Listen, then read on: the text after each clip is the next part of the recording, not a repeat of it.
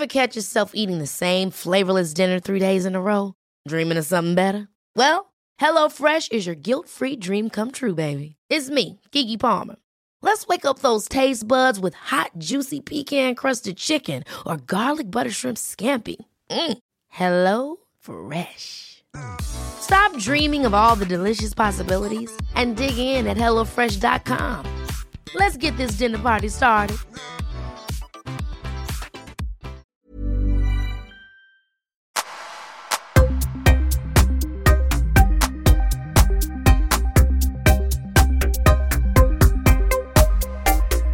Elena Perselius, välkommen till Öppet sinne. Tack så jättemycket Paul. Kul att vara här. Ja, och jag har ju gästat din podd också. Du har en podd som heter Bakom fasaden, Mm. som du har kört i, hur många år då? I mars blir det två år. Två år? Mm. Ja. Så drygt ett och ett halvt. ja. Vad fick dig att starta den podden? Jag har väl i ganska många år varit på en eh, inre resa kan man säga. Och velat dela med mig av det som jag har lärt mig som jag tycker funkar för mig. Samtidigt så är jag högkänslig precis som du. Mm. Så jag måste hitta ett uttryck då som inte tar för mycket energi. Och jag provade att coacha eh, inom stresscoachning för jag har en utmattning i bagaget. Ehm, och det var givande men jag märkte också att det här är ingenting jag kommer kunna göra heltid. Det kommer inte, jag kan liksom inte riktigt kapa banden. Ehm, när klienten och jag slutade då fortsatte jag tänka på lösningar för att hjälpa den här personen. Så att det var väl eh, en lite grann en förlängning i det. Och jag märkte att jag var på en punkt i livet när det hände väldigt mycket som jag ville dela med mig av. Ehm, och hade själv börjat lyssna på poddar. Så då tänkte jag att det kan jag testa att göra. Vad var det för poddar du hittade då? Det var främst Relationsverket Mm. som inte är aktiv längre.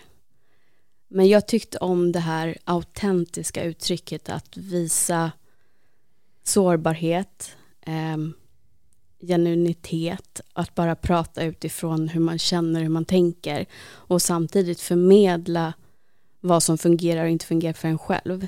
Skapa igenkänning och på så sätt inspirera. Det var jättehäftigt tycker jag. Känner du att du tar med dig jobbet hem lika mycket som du gjorde som coach nu? Med podden tänker jag på då. Nej, det, det gör jag inte alltid, men det beror lite grann på hur många som hör av sig också. Mm. För där var det ett tag väldigt många som hörde av sig som mådde dåligt. Ehm, och där fick jag verkligen öva på gränssättning. Och um, börja säga att vet du vad, jag har inte kapaciteten att hålla dig i handen varje dag så som behovet verkade. Mm. Ehm, utan jag kan liksom peka lite åt vilket håll jag tror att du bäst går för att kunna ta hjälp av en professionell person som har som heltidsjobb att vara terapeut eller coach. Ehm, och också så småningom sätta liksom ett pris på om man vill ha rådgivning av mig för att kunna särskilja och inte bara sitta på kvällarna och prata, prata, prata med Nej. massa okända människor som jag såklart känner empati och sympati för men jag måste också tänka på min egen energi. Mm. Speciellt som högkänslig kan jag tänka mig. Det blir väl Speciellt ännu som mer va? När upptäckte du att du var högkänslig? Ehm, jag hade väl lite grann hört konceptet men det blev väldigt tydligt när jag blev sjukskriven för utmattning 2014. Att det var, det var någonting som skilde mig från andra människor som jobbade med samma sak och eh, gick in liksom helhjärtat i det jag jobbar med, att det är att ge väldigt mycket, för jag jobbade inom hotell. Eh, service är ju otroligt givande också när man får eh, bra respons ifrån de som man ger service. Mm. Men det kan också vara otroligt energigivande, eller tagande. Och när det då blev att jag jobbade kanske tio timmar eh, och dessutom var väldigt insatt och eh, involverade supporterkulturen eh, kulturen inom fotboll, eh, var liksom volontär där också och sen gick med i styrelsen för eh, en supportergrupp. Det blev, liksom, jag hade aldrig några pauser. Ingen återhämtning och det vet ju du att det är typ det sämsta man kan göra som högkänslig. Mm. Så att, ehm, ja, efter en eh, förlust, en person som gick bort, så bara totalt kraschade jag. Då blev det liksom, det var droppen. Och sen fick jag lägga om, eller jag valde att lägga om hela min livsstil så småningom. Och då träffade jag han som eh, är både min naprapat och tränare idag. Och han började prata om högkänslighet och då blev det så här, aha, nu förstår jag. så på den vägen är det. Ja. Det är rätt intressant att säger det, för det känns som att idag så är det nästan en positiv sak att hela tiden ha mycket grejer att göra. Folk skry- skryter om att ah, du vet, det är det här, det är det, så många järn i elden och nu är det det och nu ska jag på det och det är de 15 möten bokade. Som att det ligger någonting bra i det, men det är egentligen bara ett recept för katastrof, vilket du själv har märkt. Att det var också det som fick dig att gå in i väggen, att hela tiden göra saker. Vad, hur ser du på allt det här idag och hur ser du på folk i din omgivning som lever i den cirkeln? Jag försöker fortfarande prata om och om igen om att man måste lyssna inåt oavsett om man är högkänslig eller inte. Därför just att vi lever i den här typen av samhälle där det premieras att hela tiden gå över sina egna gränser egentligen. Så som jag ser det. Mm. Ehm, och där tänker väl jag också att det är svårt, man kan inte säga åt folk vad de ska göra, även om jag har ofta velat göra det, för jag tyckte att, men jag ser ju att du skulle behöva det här och här, ja men det är fortfarande vuxna människor Lena, du måste lita på att de tar ansvar själva. Men däremot det jag kan göra är ju att inspirera.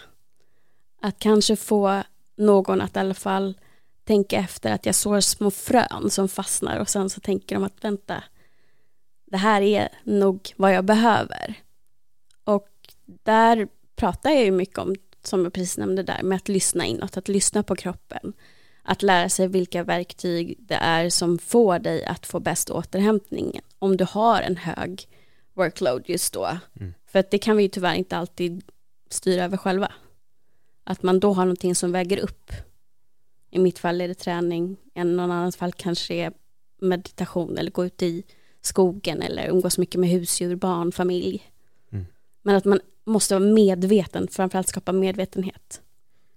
Hur har, du, eh, hur har meditation ändrat hos dig? Jag har ju ändrat lite synsätt på vad meditation är framförallt. Mm. Eh, Jag tillhör ju de personerna som inte regelbundet kan sätta mig ner och stilla och bara meditera så som man tänker att meditation är. Utan för mig är meditation mycket att gå in i min egen lilla värld på gymmet. Att sätta på musik och liksom bara vara i min bubbla och Mm. göra det som jag mår bra av i förlängningen. Det är också meditation för mig. Och hur känns det när du väl sätter dig ner och är stilla då? Ehm, då tycker jag att det är mycket lättare om jag lyssnar på någon som vägleder. Mm.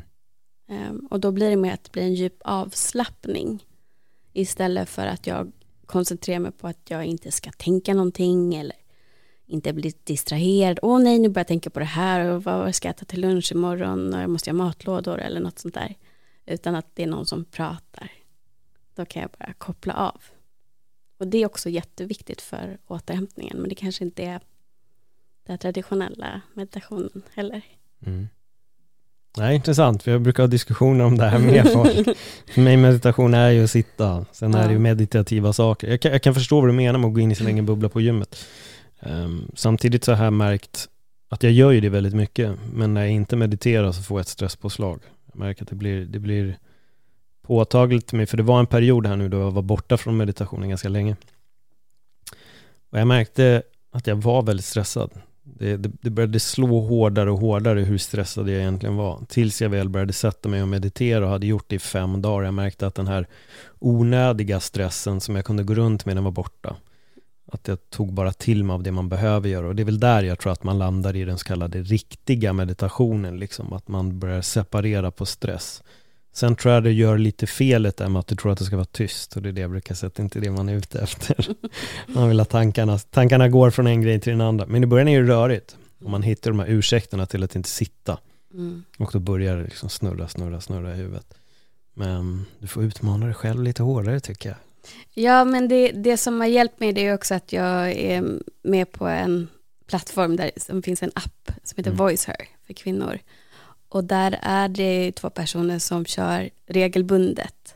Mm. Um, så då blir det ändå, om jag, om jag lyckas vara med på båda, det beror lite grann på vilken tid det ligger, ligger under arbetsdagen, inte alltid det går att bara Nej, de, lyssna. Men om det har varit till exempel en onsdag klockan sex eller klockan åtta, då kan jag lägga mig i soffan och bara lyssna och då blir det väl det här typiska att allting bara stillar sig. Mm. Och det gjorde jag alltså, utan avbrott när det var som mest stressigt nu i höstas på jobbet. Och det var otroligt hjälpsamt. Mm. Så jag förstår vad du menar. Mm. Och hur handskas du med stress idag då? Med tanke på att du är, du, du hade du gått in i väggen eller var utmattnings... Nej, det gick inte så långt tack och Nej. lov. Um, men utmattningssyndrom blev det. Ja. Vad hände? Alltså på vilket sätt kom det fram? Vad, vad hände i dig när det här skedde? Rent fysiskt var det ju främst hjärtklappning. Mm. Eh, men också eh, minnesluckor. Jag är en person som har eh, historiskt sett ganska mycket i huvudet av det jag behöver hålla koll på. Mm. Och då jobbade jag som kontors, eller vad säger det är det jag är nu, eh, konferensansvarig. Och eh, då var det ju dels att hålla bokningar, eh, vad är det för särskilda önskemål just i den här bokningen. Eh, så det var liksom allting som hade med konferensavdelningen att göra och bokningen. Samtidigt som att jag hade väl tagit på mig rollen att vara den som liksom hade koll på allting lite i huset, alltså i, på hotellet. Så att det kunde vara saker som jag egentligen inte behövde ha koll på, men jag hade ändå koll på det. Mm. Och så märkte jag att jag kommer inte ihåg saker längre. Um, när det blev som värst så var det nästan som att jag fick liksom tänka, vänta vad heter jag? Alltså det var så illa. Eh, det bara blev liksom blankt. Och då hade jag kommit tillbaka eh, från en semester som blev ett sorgarbete så det blev ingen avkoppling eh, och hade tagit kontakt med en kille jag hade sett på Instagram som pratade väldigt mycket om stress för han hade haft en svår, svår utbrändhet eh, själv. Och han bad mig mejla honom. Och då mejlade jag bara, ja så här ser min situation ut. Vad har du för tips? Vad kan jag göra för att orka lite mer? Mm. Eh, och han kunde ju se liksom the bigger picture och eh, inse att jag var nog inte så medveten om hur farligt det här verkligen var. Eller hur, vart jag var i riskzonen. Eh, så han, han hade bett mig lämna telefonnummer vet jag och så ringde han upp mig när jag var på lunch. Och för en gångs skull så hade jag gått iväg på lunch också så jag var inte kvar på arbetsplatsen. Eh, och då var jag kanske lite mer mottaglig också till det han sa. Men han sa till Lena, du måste gå till läkare nu. Mm. Och jag sa, jag får se om jag hinner. Så bara det visar ju liksom hur sjuk jag var. Och vilka prioriteringar jag hade. Det, det var liksom, jag gjorde bara allting för andra hela tiden. Och det var prio. Sen så ringde jag upp eh, företagshälsovården och de hade precis fått en ny läkare som var väldigt duktig just på stress. Som tur var. Så då fick jag komma till honom redan dagen efter. Eh, och så fick jag göra sån där KED-test där de visar liksom på en sifferskala hur nära zonen du är för utmattning och liknande. Din stress tror jag att den mäter och det var jättehögt resultat. Mm. Så att han sjukskrev mig på dagen. Oj, direkt alltså? Ja. Och då bröt jag ihop för jag kände att jag svek alla på mm. jobbet. Shit. Ja. Så så gick det. Ehm, och idag så vet jag ju att jag framförallt har bytt bransch. Ehm, jag har bytt prioriteringar, jag har andra värderingar. Jag har jobbat mycket på eh, medberoende, för det hänger ju ofta ihop. Mm. Att du ska hela tiden sätta ditt värde i att du gör någonting för andra. Um, och uh, också att känna att det är inte där andras kärlek ligger. Du behöver inte hela tiden göra saker för dem eller ge dem saker, handlingar eller eh, prestera, prestera, prestera för att de ska säga att du är bra och då är du bra, annars är du inte bra. Det, är liksom, det var sådana trosatser jag hade på den tiden. Så sådana saker jag har jag fått jobba med. Och det måste jag gå tillbaka till också när det blir stressiga situationer. För att det blir ofta så att börjar du liksom agera ut, utanför dig själv och inte lyssnar på din inre röst och på din kropp, då agerar du hela tiden för andra och letar svar utanför dig själv. Så att är det sådana situationer igen så märker jag att man hamnar ofta i gamla spår. För det är det som är bekant, oavsett hur länge sedan det var. Och då måste jag gå tillbaka till de här sakerna igen och tänka vad, var någonstans, det, hur jag agerar, var någonstans, vad är det, det jag försöker göra? Mm. Försöker jag hitta andras godkännande utanför genom att prestera? Eller är det bara att det är mycket att göra nu? Vad kan jag göra för att ta tillbaka allting till mitt inre och börja lyssna inåt igen? Och det, ibland, det kan ta några dagar ibland. Mm. Och framförallt ta hjälp, prata med andra och bara få ventilera, berätta hur jag känner. Vart kommer det här ifrån tror du? Med att eh, man måste prestera för andra och få godkännandet som du säger att du hade? Eh, nej men för mig kommer det från eh, hur jag har växt upp. Att det premieras eh, inte bara i min familj men också liksom runt omkring hela Eh, den världen jag levde i, det var att man skulle vara duktig i skolan, mm. man skulle ha höga betyg Eh, och då var man liksom mm, jättebra. Eh, medan de här mjuka värdena värdesattes lite mindre upplever jag. Om man var snäll eller om man omtänksam, sådana saker, utan det var liksom viktigast att man var duktig. Jag hatar det ordet egentligen. jag, jag vill liksom mer att man ska tänka på att ja men det här gjorde du bra eller nu var du snäll eller sådana saker. Men det var mycket att man ska vara duktig och de elever också som presterade bäst var de var liksom, de skulle få bättre chanser på något sätt. Det hela tiden lyftes fram och sen de som var stökiga, de lyftes fram för att vara stökiga. Mm. Och, ja, jag vet inte, man fick inte så mycket uppmärksamhet om man inte var det ena eller det andra. Fan, det är, um, det är sjukt känner jag. För jag, jag börjar tänka så mycket just på skolgången när du tar upp det här. Mm. Um, och jag tänker verkligen på det här med hur det är att höra att allting premieras för bra betyg och hit och dit. Och just det där som du säger, då får man fler mer möjligheter. Och det är verkligen ett sätt att också stoppa folk. Ja, gud, eh, ja. Väldigt, väldigt mycket. Jag vet ju min egen erfarenhet från min, min skolgång, men jag förstår också att även om man är duktig så blir det också oron egentligen att man inte presterar på topp. För jag har märkt att det finns de som lider av det också. Mm. Jag fick inte MVG på alla ämnen och då har jag misslyckats. Vilket också blir väldigt destruktivt på ett sätt jag tror kan sabba mycket för, för många det här prestationskravet av att hela tiden vara elit blir egentligen bara en, ett problem. För även om du är elit men misslyckas, inte ens misslyckas, men får ett G, en grej. Då är det som att allting har verkligen gått åt helvete. Jag tror att det är det där som också sätter mycket problem i huvudet hos, eh, hos folk. Och det låter ju som att det verkligen har gjort det hos dig. Jag tror att jag blev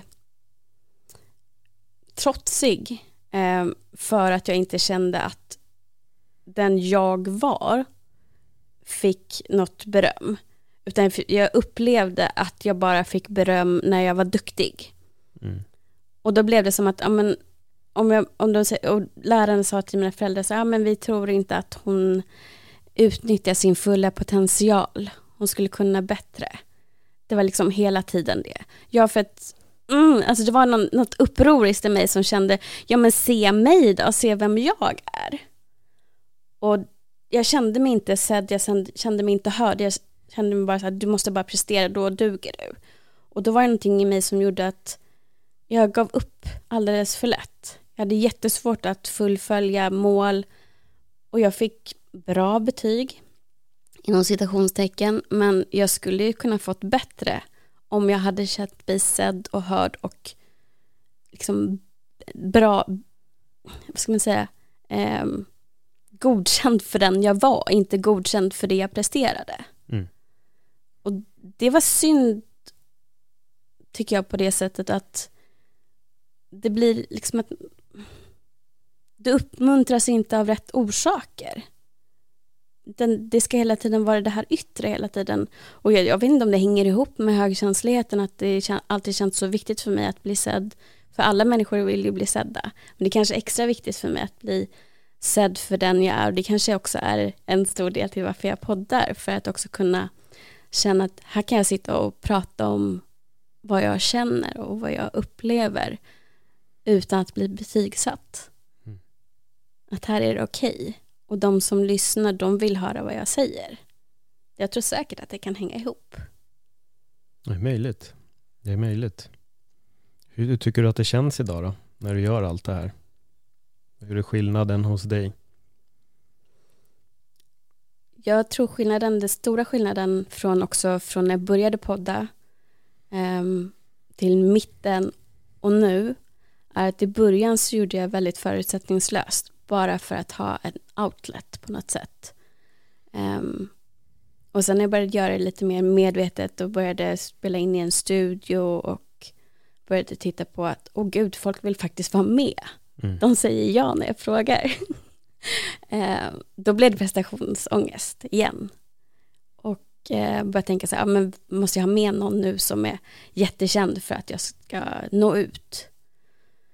Eh, men sen gick jag tillbaka igen till att känna så här att, fast det här är, ska inte vara prestation, det här ska ju vara någonting som jag gör för att jag vill nå ut och hjälpa andra människor och jag vill också på något sätt förmedla min resa.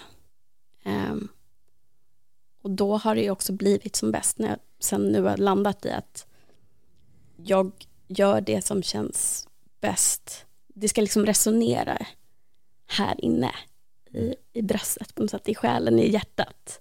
Det jag gör och det jag pratar om. Och då har jag blivit mycket mer bekväm.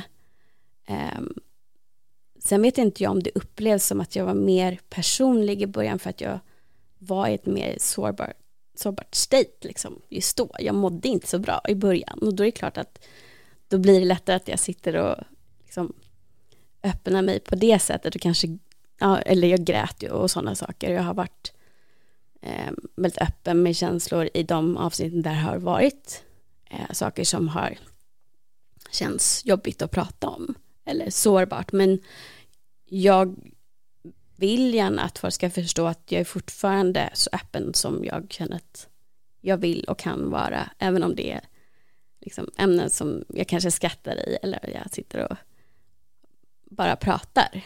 Så att idag känns det som att jag landat i den formen av sårbarhet och öppenhet som jag ändå vill ha. Sen går ju livet i faser också. Ja, exakt. Alltså, så det är ju inte hela tiden då man är, om man säger känslig. Och vissa grejer berör en på ett annat sätt och jag menar det är, så är det för alla egentligen. Att ibland är det tyngre tider och då kanske man glider åt vissa ämnen och det är mer fokus på att prata om dem och ta upp de sakerna och sen kanske få gråta ut om det behövs. Och, mm. Så jag tror mer att det är normalt. Jag kan ju känna samma sak med min podd. Att i perioder vissa grejer är viktiga, man pratar lite mer om det sen när man landat i det och gått vidare. Men var, var är du idag i livet? Jag, och jag, jag syftar på allt det här med känslor och... Ja. Um, jag tror att just med utveckling så är det en resa där man inte alltid går framåt utan man kanske tar några steg tillbaka ibland. Men det som skiljer framförallt mig nu från då är ju medvetenheten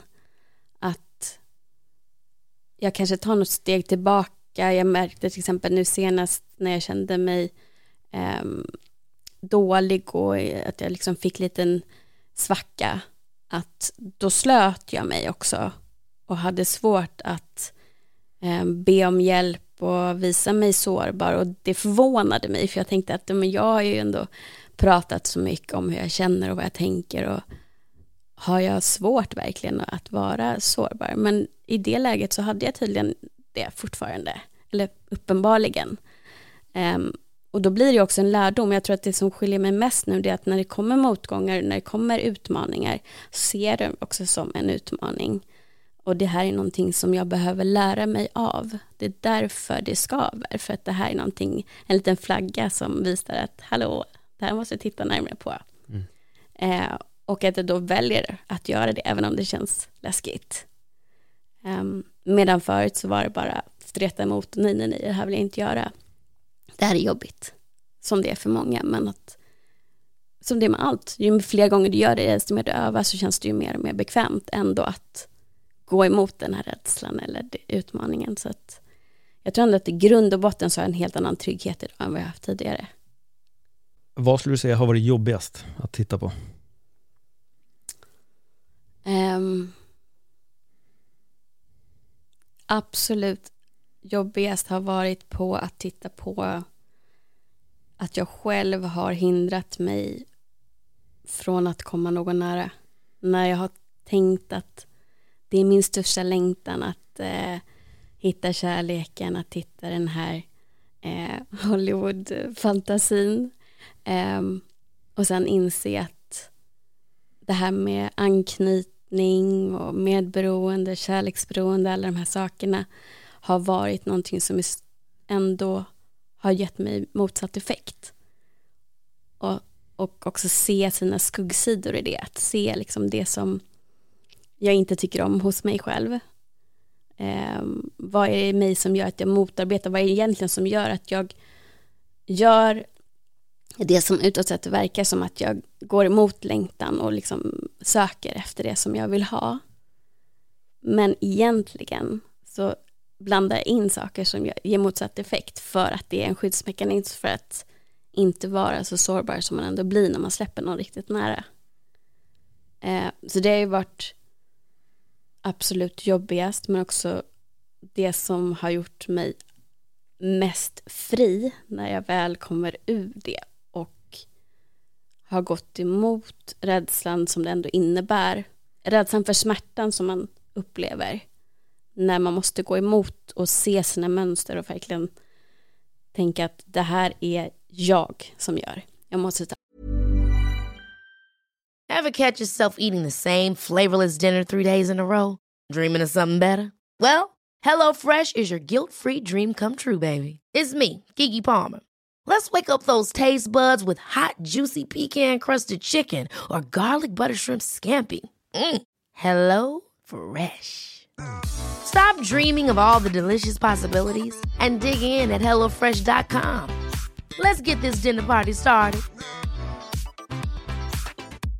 Life is full of awesome what ifs and some not so much, like unexpected medical costs. That's why United Healthcare provides Health Protector Guard fixed indemnity insurance plans to supplement your primary plan and help manage out of pocket costs. Learn more at uh1.com. Ansvar för mina handlingar. Det är jag som sätter käppar i hjulet för mig själv. Mm. Det är så kul när du tar upp det här. Kul är det ju absolut inte, jag men jag, jag Jag har folk i min närhet ibland som säger Nej men fan, vadå, om det bara känns rätt liksom, då, då kör man ju bara och då ska det ju inte vara några konstigheter och, och så har jag fått säga det ibland, jo men det finns ibland folk som kan vara, ha förmågan att förstöra för sig själva också. Även om det är bra så är de där så nej det tror jag inte, känns det bra?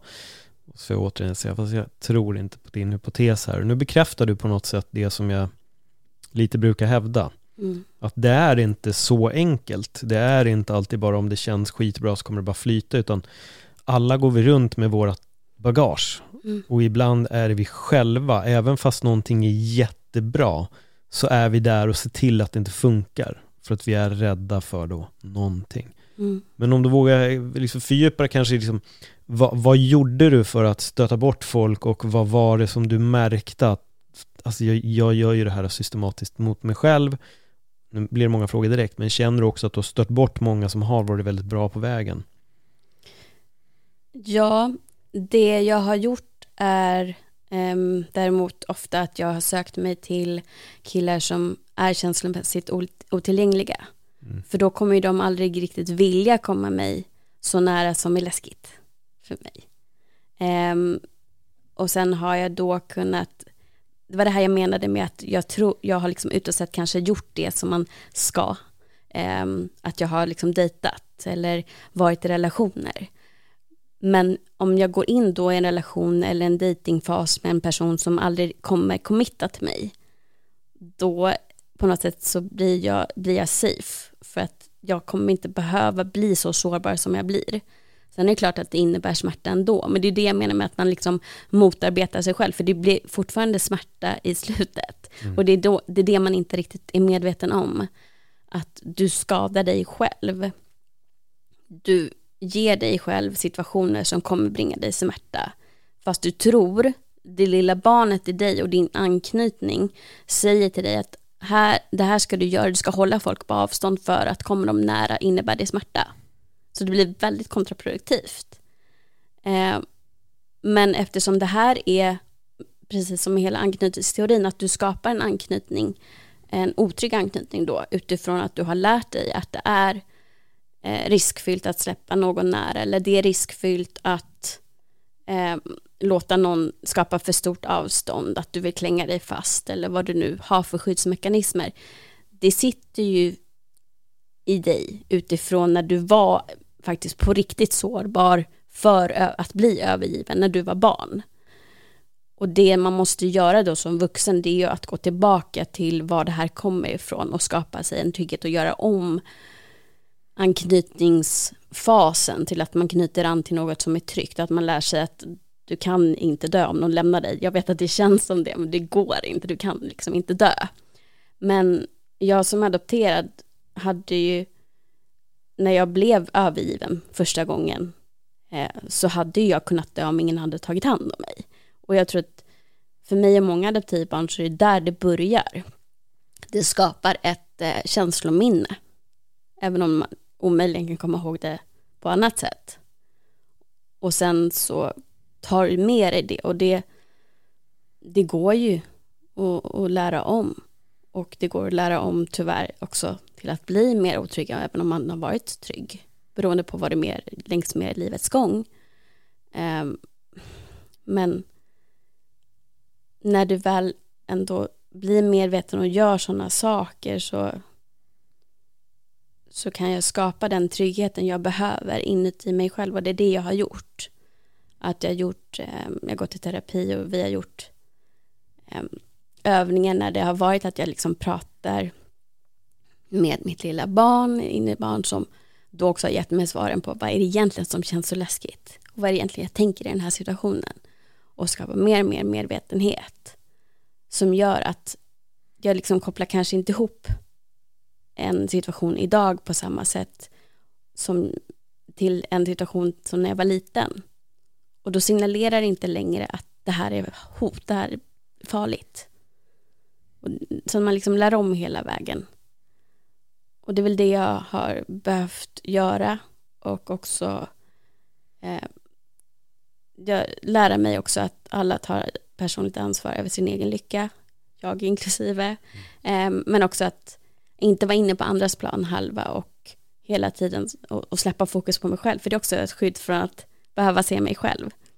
Att vara inne på andras plan halva och liksom vara medberoende. Så det har varit många saker som jag har gått igenom och som jag har liksom fått titta på men som också har gett mig en jättebra förståelse för vem jag är och varför jag är som jag är framförallt. Hur gammal var du när du blev adopterad? Eh, åtta veckor. För jag vet att det, det, du tar upp nu, det är ju ibland någonting som vissa människor kan anse som en kontroversiell tanke, mm. har jag mm. märkt. Men samtidigt så är det någonting som man hör mer och mer utav eh, vad gäller just folk som har blivit, ja men barn som har blivit adopterade. Att det kan vara problematiskt. Att det, vissa grejer känns jobbiga, just det här övergivnadssåret och sånt. Men när upptäckte du det och på vilket sätt har de här tankarna och känslorna manifesterats hos dig? Eh, för mig är inte problemet adoptionen utan problemet att jag blev övergiven. Mm. Eh, adoptionen var ju min räddning. Nej men det är det jag menar. Att, alltså, jag, jag, jag, förstår det. Jag menar inte att adoptionen var problemet. Jag menar just att bli övergiven av sin riktiga mamma. Att det är det. Och det är det jag menar med ibland folk kan se som kontroversiellt. Mm. För att man menar att barnet är för litet, barnet kommer egentligen inte minnas. Mm. Men det finns de också som tittar och menar nu att vi till och med har minnen som sträcker sig ännu längre bak och de här, det är en traumatisk upplevelse. Ja. Självklart. Jag tror ju att vi har våra minnen även så långt Mm. bak. Mm. Så jag förstår ju att det är traumatiskt att bli övergiven och det är det jag menar, övergivnadsåret är det som fler har börjat ta upp. Mm. Adoptionen i sig är inte kontroversiell, men att bli övergiven, där ligger det kontroversiella. Eller, där ligger traumat. Och jag tror inte att folk vill titta på det. Jag tror inte att vissa vill se det, att, att det kan vara så. Mm. Jag önskar att jag hade förstått att jag kunde titta så långt bak. Ehm, för jag tror att jag har lyssnat på just de som säger att det går inte. Du har inga minnen förrän du är två, tre år. Ehm, fyra för många. Och då tänkte jag att jag var två månader, jag kan inte komma ihåg, det kan inte bottna i det. Så för mig handlade det faktiskt om, och när var det, jag tror att det var när jag gick hos Nathalie Taube. Och hon uppmärksammade, hon jobbar, jobbade då i alla fall som eh, livscoach och mycket med högkänsliga. Och det var väl att jag, liksom, jag, jag kände att jag hittade ju aldrig liksom, jag hade börjat förstå att jag hade en rädsla för att bli övergiven och mönster som sen var liksom att jag agerade på det, det såret.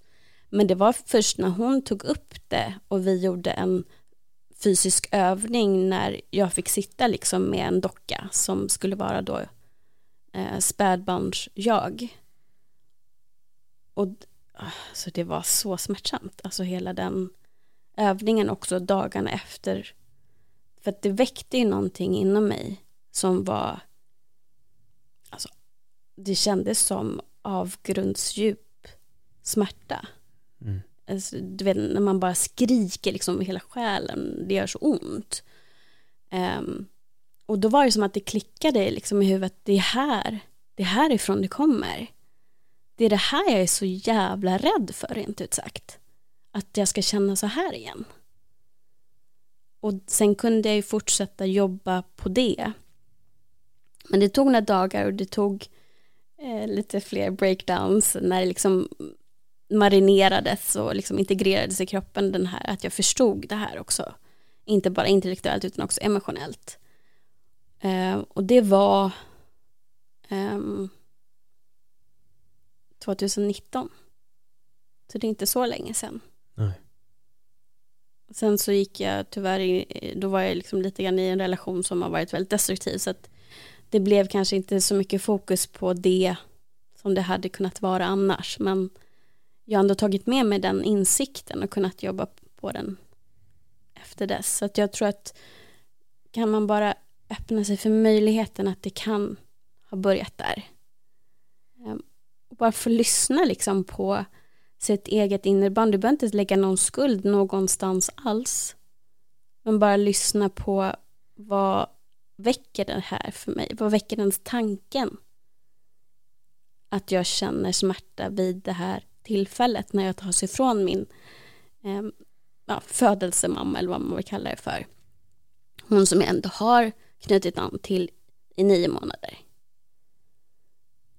Beroende på då när man skiljs åt. Men att det liksom ändå tänker tanken och försöker känna efter vad väcker det för känslor i mig. Om man märker att det väcker någonting då är det ju på rätt spår. Så jag tror absolut att jag tycker inte att man behöver säga att det är rätt eller fel utan det är till var och en att försöka uppmärksamma och utforska vad väcker det i mig för att för mig har det varit life changing att bara kunna känna att okej där kommer det ifrån då vet jag i alla fall var någonstans jag kan utgå ifrån och läka och sen gå vidare det har gjort att jag har gjort ett läkningsarbete som jag hade försökt med i hur många år som helst på mycket, mycket kortare tid. Har du träffat folk som har råkat ut för samma sak? Eller som du har kunnat dela den här upplevelsen med som har också insett samma sak?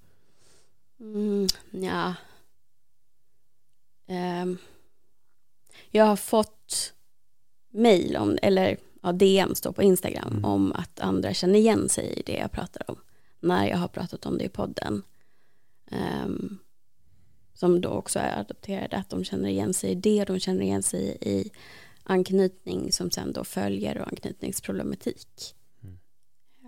Men jag, jag har inte kanske suttit och pratat Har du träffat din mamma efter det? Har du sökt upp din biologiska mamma någon gång? Eh, nej. Nej. det finns inget att gå på, än som jag Ja, hade okej. velat. Men eh, jag vill inte. Nej. Jag känner ju liksom inte, jag känner ingen koppling till henne. Utan för mig är det en kvinna som har burit mig och sen lämnat bort mig. Eh, min mamma är min mamma. liksom. Mm. Eh, så där känner man ju olika och det är också individuellt hur man, hur man känner. Nej, det, det är just därför jag ställer jag- frågan. Ja. För jag vet att det är vissa som vill veta och det finns de som Mm. absolut inte vill, vill veta. Och jag har också förstått att upplevelsen av att träffa sin biologiska förälder kan också vara ibland positivt men ibland kan det bli tvärtom Mm. också. Så Alltså det är det, det, blir- det blir tydligt hur mycket vår barndom präglar oss och det är rätt fascinerad över att man att en del fortfarande hävdar att vissa minnen inte finns där. Jag läser en bok med Stanislav Grof som heter The Way of the Psychonaut. För han tycker själv att, eller han, han menar att minnena börjar redan i magen, att det är redan där och att födas i sig kan vara en tillräckligt traumatisk upplevelse. Och han skriver även också i den här boken då att det finns läkare som hävdar, hävdade till och med att det fanns en tid då barn upplevde ingen smärta. Nu minns jag inte till vilken ålder det var, men att man då ska ha utfört alltså, kirurgi på barn genom att bara söva dem. Inte barnbarn, barn, nu pratar vi såklart spädbarn då, då men att liksom, vetenskapen har varit så pass galen att man till och med haft en sån teori. Eh, och då var det någon läkare, för han hade frågat och Stanislav Grof hade ställt frågan väldigt tidigt och nu får du backa nästan till 50-talet när han hade ställt den här frågan till en av sina lärare som var eh, när börjar barn minnas? Kan ett spädbarn minnas? Och då hade läraren skrattat åt honom och sagt att det är klart att barn inte minns på grund av att då det var massa grejer i kroppen som man inte hade kopplat ihop än så då menar de att barn har, de menar då att barn har inga minnen alls känner inga känslor, känner ingenting. Så teoretiskt sett och på den tiden, Mm. det du hade upplevt hade varit helt omöjligt att uppleva. Men idag börjar vi då se mer och mer att det finns nog ändå minnen där och men Stanislav Grof hävdar då att psykiatrin behöver se om det här. De behöver börja titta nu att det finns minnen så bak som långt bak i magen och att det kan vara tillräckligt traumatiskt att födas, kan vara ett trauma i sig och allting som händer därefter.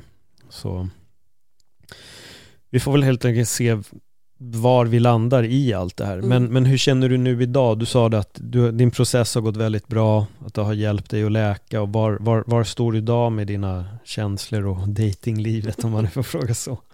Ehm, ja, jag, jag vill bara backa lite och säga att jag tror ju på känslominnen och inte bildminnen just Mm. när det är sådana här. så här- För att det, det jag upplevt har varit liksom nyckeln till min medvetenhet och kunna jobba på det jag jobbat. Um, och där känner jag väl att jag har kommit till um, så långt jag kan komma på egen hand. Och med, på egen hand menar jag också med hjälp av terapi. Um, att det jag behöver göra nu är väl mer träffa eh, en partner där jag också kan öva det nya. Det är precis som att jag har gått en utbildning och nu ska jag liksom lära mig hur man också gör det i praktiken. Eh, men det har varit jätteviktigt för mig att bli medveten om mina mönster och jag tror att jag också kommer behöva en partner som är även om han kanske upplever sig som, eller är trygg i sin anknytning, ändå har en medvetenhet eh, på samma plan för att ens kunna förstå. Eh, men jag har inte träffat någon som jag har fortsatt träffa nu och jag tror också att det blir lite så här att när man blir väldigt mer trygg i sig själv, jag tycker ju om att vara med mig själv, eh, så att det blir inte heller någon eh, brådska Mm. för mig, utan det ska mer, det ska kännas eh, rätt. Men eh, jag har dejtat lite grann sen jag avslutade terapin och avslutade det mest liksom, aktiva arbetet kan man säga. Och där har jag också sett att jag söker mig till en helt annan typ av person idag. Eh, jag söker efter andra egenskaper och, ehm, det blir också liksom ett kvitto på att jag har lärt om. Ehm, och det har räckt för mig ehm, nu och sen så försöker jag väl bara eh, också förmedla vad jag har gjort i min egen podd för att andra som har varit där jag var tidigare ska kunna hjälpa sig själva med det. Sen så, som sagt, jag måste ju också se hur det funkar i praktiken. Och där är liksom ingen relation, det går inte, är ju perfekt, det finns ju inte perfektion, det finns inte perfekt person. Men det kan ju finnas någon som passar mig så perfekt det kan bli liksom, och vice versa. Det är så jag, där jag är nu. Varför tror du att många jagar perfektion? Just för att du nämner det så blir jag Mm. lite nyfiken. Vad, vad är det tror du som gör att många jagar perfektion? För det är en rätt stor illusion och det är väl därför folk blir Mm. besvikna. Men vad tror du själv? Jag tror utifrån det jag har lärt mig att vi, ehm, vi måste bli medvetna om att vi lever i en illusion av ett, ett Hollywood, en Hollywoodfilm. Ehm, och tror att det ska vara så och att vi också är omedvetna om var vi skapar vår egen bild av hur en relation ska se ut. Vi skapar ju det på grund av det vi ser när vi är små. Det går, vi tillbaka till barndomen igen. Mm. Och där måste man också ifrågasätta vad är det för bild jag har av hur en relation ska se ut. För den är oftast väldigt barnslig. För mig var det så, för att jag hade liksom en, vad kan man säga, typ, man ska, kanske en åttaåringsbild av hur en relation ser ut. Um, beroende på vad jag ser runt omkring mig. Men jag ser inte alla de här små dimensionerna.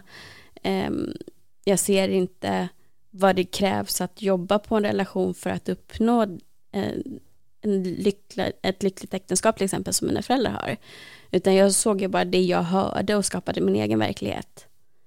Och där måste man också ifrågasätta, är det här ens realistiskt och är det, är det ens verkligt? Mm. Eh, och det är det ju inte. Där är ju filmerna och böckerna som vi läser jätte, och serierna som vi ser eh, väldigt tydliga. När jag har skapat mina medvetenheten som jag har idag om otrygga ehm, anknytningar, om eh, destruktiva relationer så kan jag inte liksom sitta och titta till exempel på Sex and the City och vilja vara Carrie längre för att hon lever ju liksom i jättedestruktiv relation egentligen. Um, och det blir så uppenbart när man lär sig att se hur det ser ut. Men bara börja ifrågasätta vad har jag för bild, vad är det jag söker och varför söker jag det här? Vad är det egentligen som jag, vilket hål är i mig som jag tror att jag ska fylla om jag får det här som ska vara så perfekt? Att bara skapa mer självkännedom och också förstå var allting kommer ifrån. Det måste fler människor göra om de märker att jag, jag jagar någonting som faktiskt inte existerar. Men om det är bra, då kör man ju bara. Då är det inga... Men det är ju inte det. Nej, men det jag, jag, jag håller med. Ja. Jag, jag tycker det är där som blir eh, just den här jakten på Hollywood-grejen som du säger. Hon är ju egentligen i en väldigt destruktiv relation, men då dras man till det. Och det var så roligt. Bianca Antman var med i podden en gång. Jag vet inte om hon sa det här i podden eller om hon sa det efter att vi pratade, men då säger hon hon bara, vi blir ju uppfostrade genom film att träffa de här killarna som på något sätt är lite trasiga och så ska vi förändra dem. Så att det börjar ju redan där. Jajamän. Att man ska rädda den här personen som det är lite knas på, som gärna är fladdrig och konstig och så lyckas man ändå fånga upp honom. Mm. Och det är väl därför sen många tjejer nu då, killar brukar väl inte köra med den kommentaren lika mycket kanske. Men, ah, men du är som alla andra killar, du som fast då träffar du ju bara en kategori av män om det är så du upplever. Absolut. Det gäller ju någonstans att kanske titta inåt. Jag tycker också det du tar upp här, det är verkligen det viktigaste av allt egentligen. Hur mår du själv och var är du i ditt eget liv? För jag tror också att felet många gör är det att de vill hitta pusselbiten lycka som då är en annan person som Mm. man ska ha i sitt liv som man ska skapa en relation med och den personen är den som ska göra en glad. Mm. Men om du inte är nöjd med dig själv och lycklig inombords då är det extremt svårt att hitta en människa såvida du inte blir tillsammans med millenniets eh, livscoach som är där för att Mm. korrigera upp dig i ditt liv. Ja, kanske, men oddsen kanske inte är så stora. Jag tror att många gånger så behöver vi nog finna oss själva innan vi ska hitta den här personen som ska komma och göra oss glada. Men det är otäckt att se, för jag tycker man ser det hela tiden. Det är in a relationship, single, in a relationship, ny person, ny person, ny person, ny person hela tiden på Facebook. Och då blir det där, det blir, för mig blir det väldigt tydligt att den här personen är på jakt efter lycka. Men söker den lyckan i en annan människa. Och det är lite tragiskt på något sätt. Att folk inte ser det själva. Jag kanske inte är så jävla nöjd inombords. Vad är det egentligen som är felet? Du är ändå hittat hos dig. Vad var det som egentligen då gjorde att du upplevde allting som du upplevde och där har du kunnat bearbetat och nu har det också förändrats? Ja, jag tänker väl inte bara vad är den personen är på jakt efter, utan också vad flyr du ifrån? Mm. För det är en konstant flykt ifrån att titta på sig själv. Om du hela tiden lägga din lycka i en annan person, då tror du inte, du har ingen tillit till att du själv kan göra dig lycklig. Och det är där det allting kommer fallera, för att ingen annan person kan ju göra dig lycklig om du känner att du inte är lycklig. Mm. Och det är inte en annan persons ansvar att göra dig lycklig, det är ditt ansvar. Så att bara det är ju också en helt orealistisk bild och ett fruktansvärt krav att lägga på en annan människa. En partner ska ju vara någonting som tillför en någonting bra i livet. Inte som, ja, utan dig så, så är jag inte lycklig. Nej, men då är du ju fortfarande otrygg. Om du, inte tror, om du inte är lycklig utan den här personen, vad händer då om den personen lämnar dig? Mm. Det, det säger sig självt att det, det går inte att hitta en relation där det är rättvisa och bra premisser och, och liksom bästa förutsättningar för en långvarig relation om du ska tro att den här personen ska göra mig lycklig och ska uppfylla alla mina behov. Det är inte heller hälsosamt. Det som är mest hälsosamt är om du till mångt och mycket har kapaciteten att själv möta dina behov och också i det veta att här har jag ett behov av samhörighet. Jag har jättekul med min eh, killkompis eller tjejkompis. Vi gillar att göra det här, det gillar inte min partner. Då får jag det behovet tillfredsställt bäst genom att göra det här med min kompis. Och sen det här känner jag bäst, eh, liksom att jag vill sitta, det här kan jag hålla mig själv i, eller det här behöver jag prata om med min partner.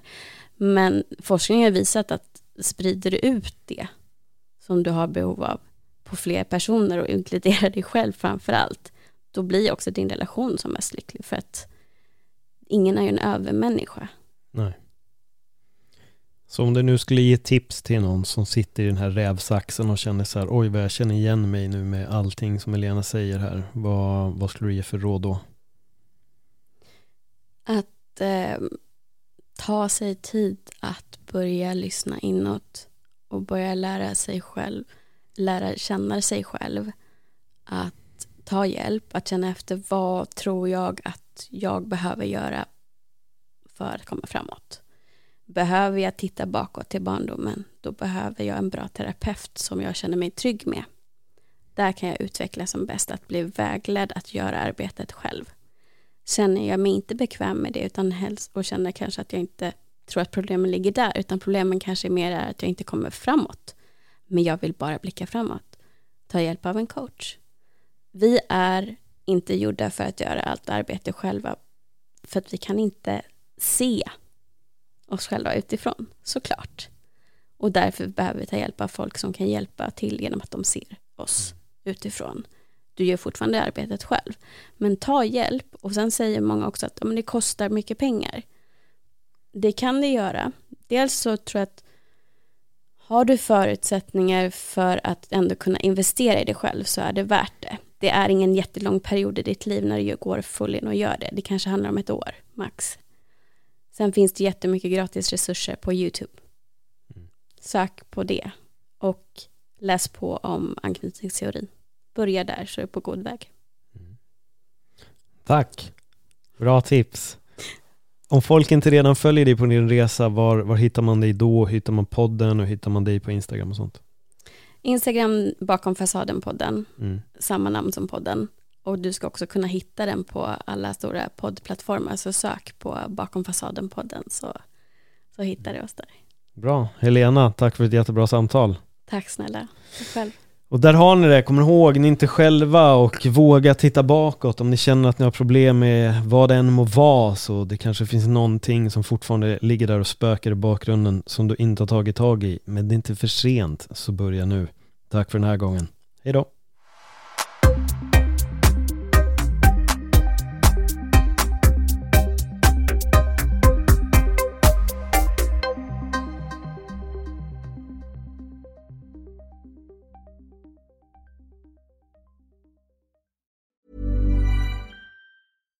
Hi, I'm Daniel, founder of Pretty Litter. Cats and cat owners deserve better than any old fashioned litter. That's why I teamed up with scientists and veterinarians to create Pretty Litter. Its innovative crystal formula has superior odor control and weighs up to 80% less than clay litter.